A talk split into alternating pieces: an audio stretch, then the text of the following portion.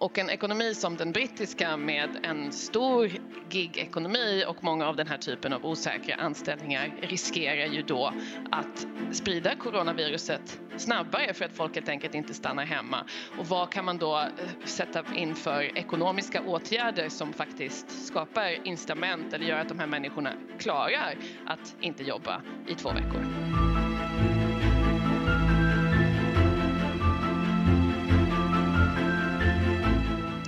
Detta är Molén och Marsall. Ja, coronaviruset har ju upptagit många människors tankar den senaste veckan och inte minst verkar det ju ha fått marknadens nästan fullständiga fokus. Ett av de snabbaste börsrasen i historien förra veckan. Var det här verkligen rationellt, Claes? Man måste ju titta på utgångspunkten. Börsen var väldigt stark under 2019 men även 2020 har börjat otroligt starkt. Och vi pratade faktiskt för några veckor sedan om just börsen och vad den indikerar för typ av konjunkturutveckling. Och eh, vår syn här har ju varit att det är för mycket optimism i börsen redan före corona och det krävs en ganska positiv utveckling för global ekonomi för att, det, för att den, de, de, den typen av förväntningar ska kunna leva kvar. Så att utifrån det perspektivet så egentligen, det är klart att det är en, det är en väldigt kraftig reaktion vi såg förra veckan på börsen men eh, nivån har varit rätt ordentligt uppumpad. Så kanske inte helt irrationellt ändå. Och det här med corona, det är klart att det, vi har ju haft det med oss nu sedan mitten på januari men, men det, det uppfyller ju en del av det som vi har pratat om tidigare i det här programmet med liksom svart svan-karaktäristika eh, faktiskt. Alltså någonting som är väldigt svårt att sia om och veta om hur, vilka effekter det ska bli. En risk som kommer utifrån som ingen kan riktigt förutsäga men som då när den väl händer får enorma effekter ungefär. Det här är ett begrepp eh, myntat av Nassim Taleb, eller hur? Ja, skulle du säga, är det här en svart svan? Alltså det, det är väl lite grann också definitionen av en svart svan, att vet vi inte förrän efteråt. Men det har ju varit ganska populärt att, att oroa sig för börsen faktiskt. Det är inte bara vi som har gjort det under den senaste tiden. Men av alla de som har oroat sig så är det kanske inte just en, en kraftig virushärd som man har pekat på som som risk i förbörsen. Så att på det sättet mm. så är det någonting som kommer helt från sidan och där ju ingen, vare sig epidemiologer eller andra har en aning om exakt hur det här ska gestalta sig. Mm. Um, Nej, men det är ju det är intressant där hur man, hur man ser på det hela. Det känns som för några, några veckor sedan då pratade man ju till exempel om man tittar, tänker på den amerikanska ekonomin. Då var det någon slags diskussion då som handlade om att de problem som skulle uppstå för USA av det här skulle då vara på, på någon slags utbudssida och skulle handla om handelskedjor och Kina och export och import. Men nu har vi fått en väldigt stark reaktion från den amerikanska centralbanken som väl tyder på att man ser större problem och problem även på, på efterfrågesidan på grund av coronaviruset. Är det en eh, hyfsad läsning? Alltså, det är väl egentligen ganska oklart. Alltså, Fed och amerikanska centralbanken sänkte räntan en halv procentenhet igår och det var inte på ett ordinarie möte utan det var ett mellan möten. Och man gjorde det dessutom efter ett som man får betrakta som ganska misslyckat G7-möte där man inte fick med sig andra centralbanker. Och det var ett ganska lojt pressmeddelande som kom ut från, från G7-mötet. Ehm, vad är det man försöker åstadkomma här? Ja, det är ju naturligt givetvis så att Fed inte kan påverka virusspridningen. Och än så länge så ser man ju väldigt lite i amerikansk data som tyder på att någonting håller på att hända i amerikansk ekonomi, vare sig på utbudssidan eller efterfrågesidan. Det är inte så uppenbart heller att, eh, att vi har stora spridningseffekter ens på, när det gäller leverantörskedjor. De kommer säkert dyka upp. Apple och andra företag har ju redan mm. rapporterat om det. Men det syns inte i, liksom, i nationell statistik i någon stor utsträckning. Fed är ju kan man säga, inte bara USAs centralbank utan den, den globala centralbanken som ju framför allt också påverkar finansiella marknader som ingen annan centralbank. Och då är man ju snarare, får man nästan rikta strålkastarljuset mot finansiella marknader. Du nämnde Det här är börsens, den globala börsens centralbank. Ja, och det är inte bara börsen ska man säga då, för det är ju också bredare finansiella marknader, inklusive obligationsmarknader. Men eh, vi hade ju då ett stort börsfall förra veckan och eh, igår inför den här höjning, eh, sänkningen så hade ju börsen gått ganska bra får man säga. Det fanns ju liksom lite återhämtning. Mm. Eh, men Men det är ju, får man ändå betrakta som en försäkringspremie man betalar och man betalar den ändå ganska tidigt. Det är ju den kritiken som kommer fram nu att man bränner av krut här eh, innan vi ens har koll på vad är det för konsekvenser man ska, man ska eh, förvänta sig. Och den kritik som har funnits under decennier egentligen mot Fed. Det är en jättegammal kritik mot, mot Fed, ju, att de går in och räddar finansmarknaden och därmed på något sätt artificiellt pumpar upp, pumpar upp det här och kan pumpa upp. Absolut, och det, det redan under, eh, minns man Alan Greenspan eh, så, så även han anklagades för det här. Man kallar det för en, en Greenspan put. En put då är som en, en, eh, en försäkring helt enkelt mot börsfall. Och den har ju kan man säga, bekräftats av Fed gång på gång och jag tror att sänkningen igår den får definitivt mer eh, mer kritik av det slaget. Och det här anklagades ju den här The Greenspan, hans strategi anklagades för att vara en av anledningarna till att finanskrisen 2008-2009 att det gick så långt som, som det gjorde då. Um, Okej, okay, så att du menar att man gör det här för att det är vad man brukar göra men egentligen finns det inga tecken än att amerikansk eh, ekonomi är så påverkad. Men men då tror, tänker jag på det här... Ja. för det man ska lägga till när det gäller finansiella marknader, så det som Fed kan påverka och som man oroade sig för och som man börjat se lite av, det är just att, att räntan på företagsobligationer går upp kraftigt. Det gör det mm. dyrare för företag som behöver låna pengar i marknaden att låna och det kan till och med bli så i ett väldigt negativt förlopp att det blir nästan omöjligt att låna pengar i marknaden och då får man ju liksom ringar på vattnet in i det finansiella systemet och till slut också då en kreditåtstramning som ju Fed definitivt inte vill se. Men mm. återigen, man tar den här premien väldigt tidigt. Men samtidigt vet man ju inte hur många som har coronaviruset i USA. Alltså det är ju vad jag förstår det enda man vet med de amerikanska siffrorna för hur många som har fått det här viruset är att de inte stämmer ungefär. Mm. För att Eh, det finns väldigt många fall i officiella fall i Italien och det har att göra med det italienska sjukvårdssystemet att man i Italien, det är gratis att testa, man testar väldigt många som italienarna säger just nu, vi är för ärliga, det är därför som eh, vi har så många fall av coronaviruset medan i USA så har man inte den typen av offentligt sjukvårdssystem som vad jag förstår igen skulle klara av att testa folk på den här skalan. Och det enda vi vet om de här siff officiella siffrorna för USA är att de inte stämmer. Så att problemet kan ju vara enormt mycket större där. Så är det ju samtidigt som ju utifrån både Feds perspektiv men också ekonomins perspektiv så är ju Smittan i sig eh, får ju ekonomiska konsekvenser framförallt om det förändrar ekonomisk aktivitet, alltså beteende mm. antingen hos eh, hushållen och företagen eller då som det ju var i Kina, har varit och fortfarande är i Kina, att myndigheter tvingar ner ekonomisk aktivitet, alltså man stänger ner stora delar av, av ekonomin. Och än så länge har vi inte någon typ av indikation på att eh, vare sig det ena eller det andra händer i USA. Så att även om det är många smittade så verkar inte det ha påverkat eh, beteendet. Mm, vilket kanske i sin tur skulle kunna leda till ännu fler smittade. Absolut. Uh, och då på sikt större problem, om man nu ska vara sån. Men då kommer vi till den stora frågan, okej, okay, om ekonomier då ska gå i karantän som delar av Kina har gjort. Hur stimulerar man en ekonomi i karantän? Fabrikerna låser, folk sitter hemma och beställer takeaway som jag förstår att de gör i Kina för att ingen vågar gå ut. Uh, det får naturligtvis en effekt på tillväxten. Vad gör man? Vi har ett intressant exempel i Hongkong just nu, eller hur? Mm. Där ja. man testar det som Milton Friedman kallade för helikopterpengar. Vad är det, Claes? Ja, det, vi har diskuterat här huruvida man verkligen testar helikopterpengar. För att, och det, vi pratade ju om MMT, eh, Modern Monetary Theory, förra gången i det här programmet.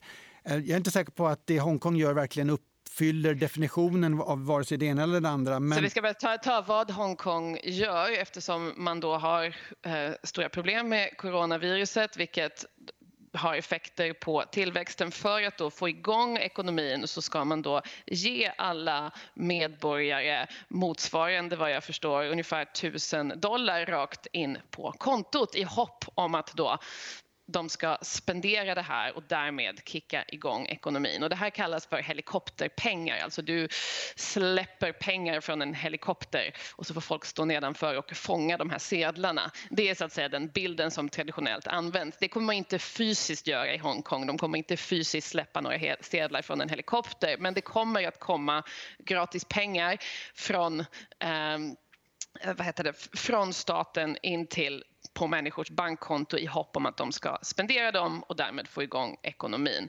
Och det här är någonting som man då gör i situationer där andra sätt att spendera ekonomin som då skulle kunna vara till exempel att sänka räntan, vilket det kanske inte finns så mycket krut i just nu i världen, eller andra sätt som att till exempel lansera ett jättestort byggprojekt. Nu ska vi bygga en enorm bro för att få igång ekonomin det är också svårt om folk inte kan gå till jobbet för att de har coronavirus. Alltså testar man det här, den här varianten.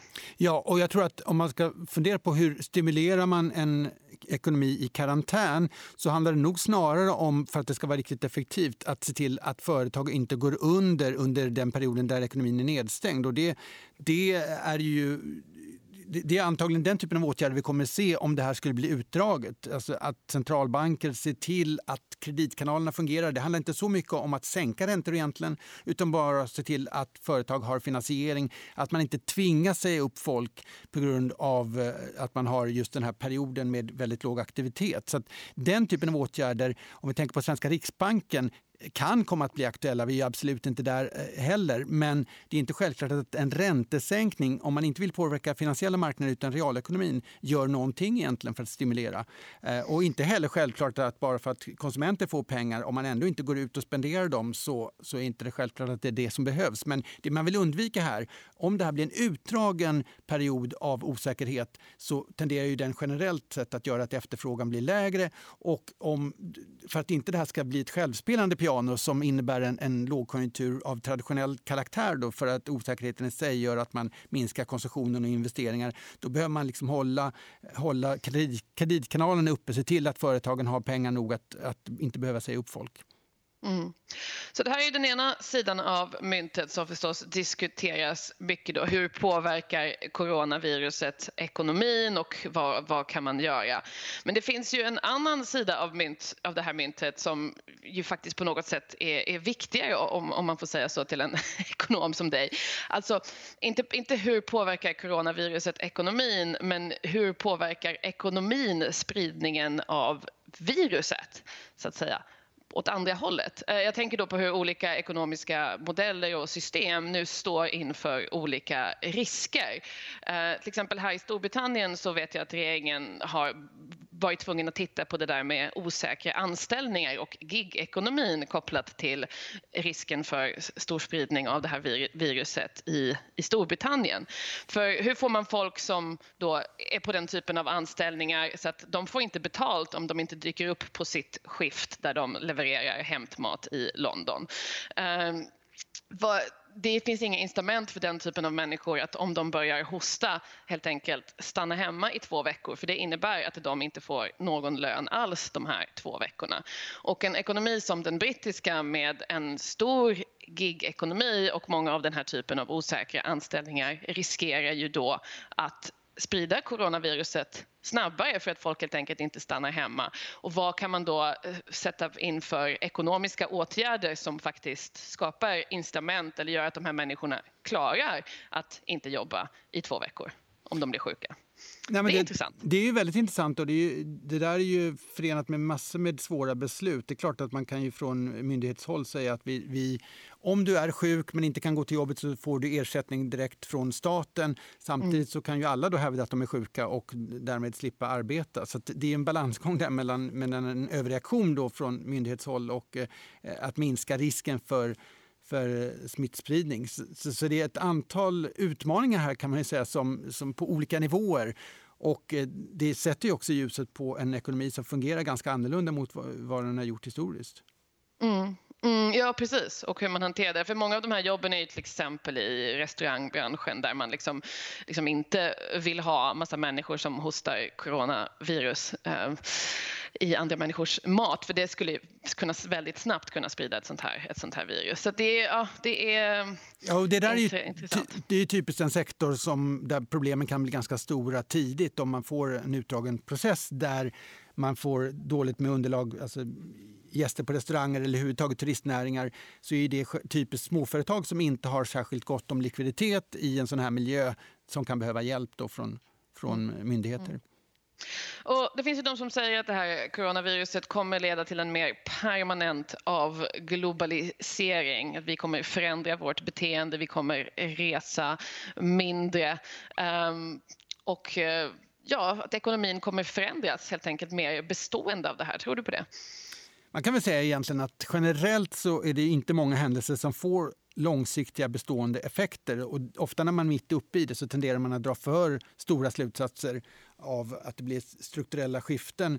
Eh, men, men det finns ju undantag. Finanskrisen eh, 2008 den har ju onekligen förändrat den finansiella miljön permanent. får vi säga. Delvis på grund av nya regelverk naturligtvis men, men också ett annat beteende, en annan syn på risk på finansiella marknader.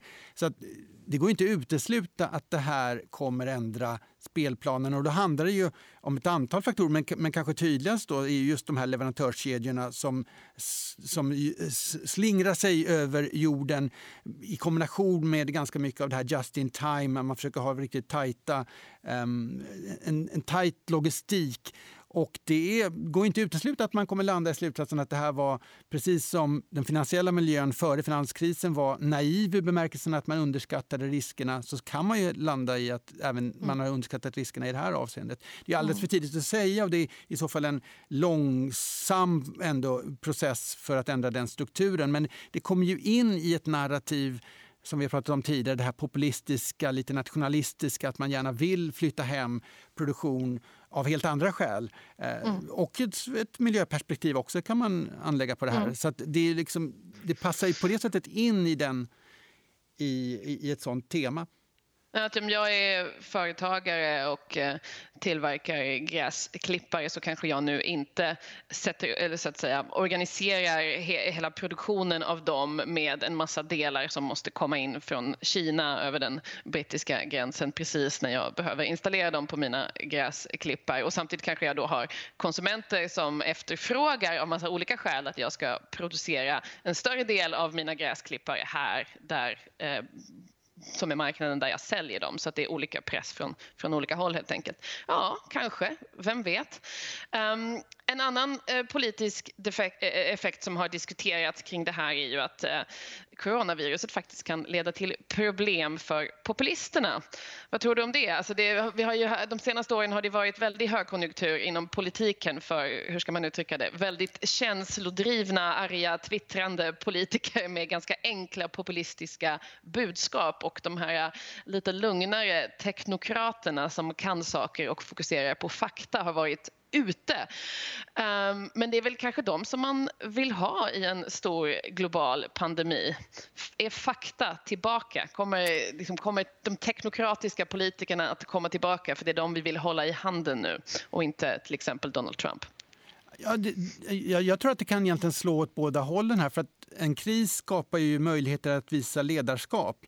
Och eh, det gäller ju både politiker av mer traditionell sort som till exempel Stefan Löfven i Sverige men också för, för Donald Trump. Och här så finns det ju risker naturligtvis. Jag tycker för, för Trumps del så, eh, vi har ju pratat om det tidigare, det allra mesta talar för att han blir återvald i höstens val. Men corona innebär ju att risken för att han inte blir det utifrån hans perspektiv ändå har ökat. För att det här kan ju gå åt båda hållen. Än så länge så får man säga att han tonar ner riskerna.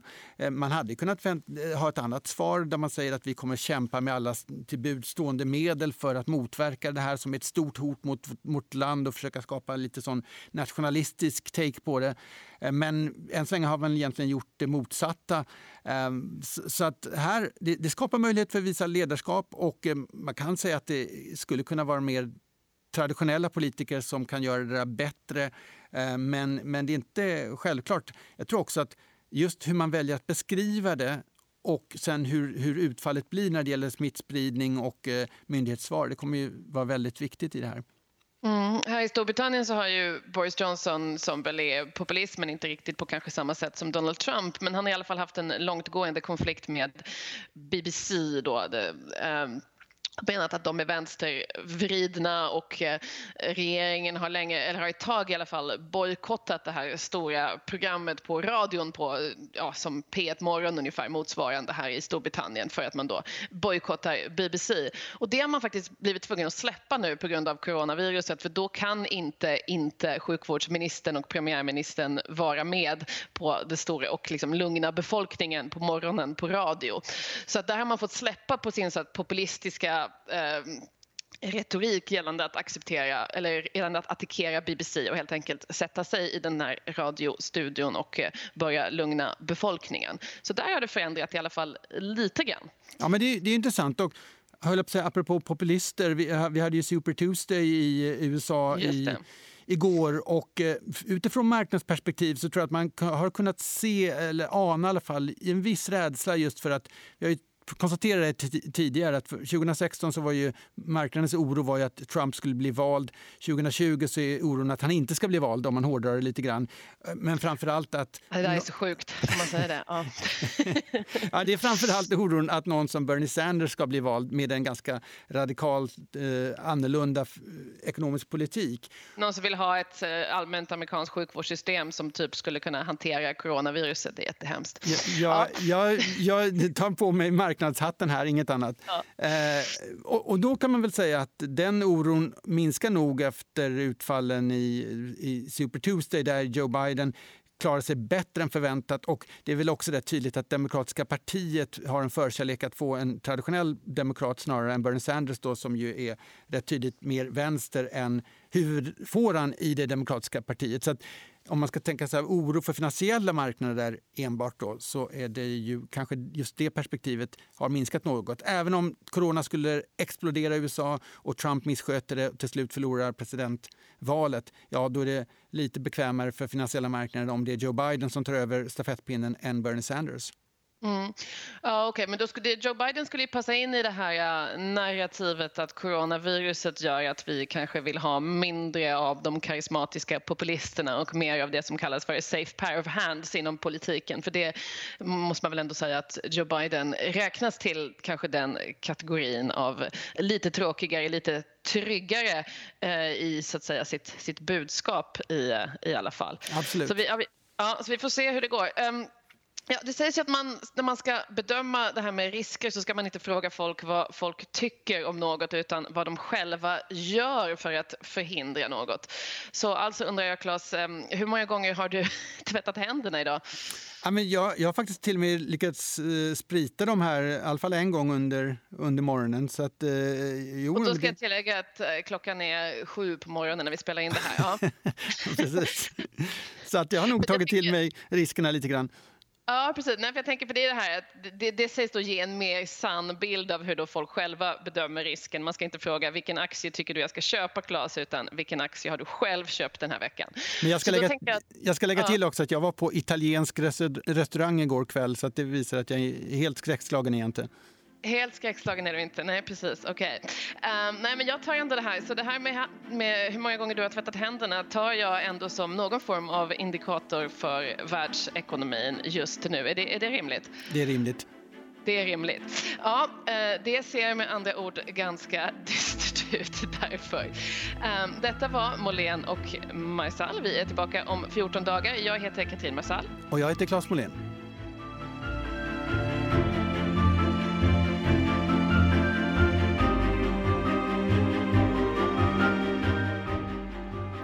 Den här podden görs av EFN Ekonomikanalen.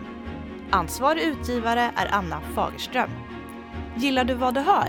Dela gärna podden med vänner och bekanta samt betygsätt den på iTunes.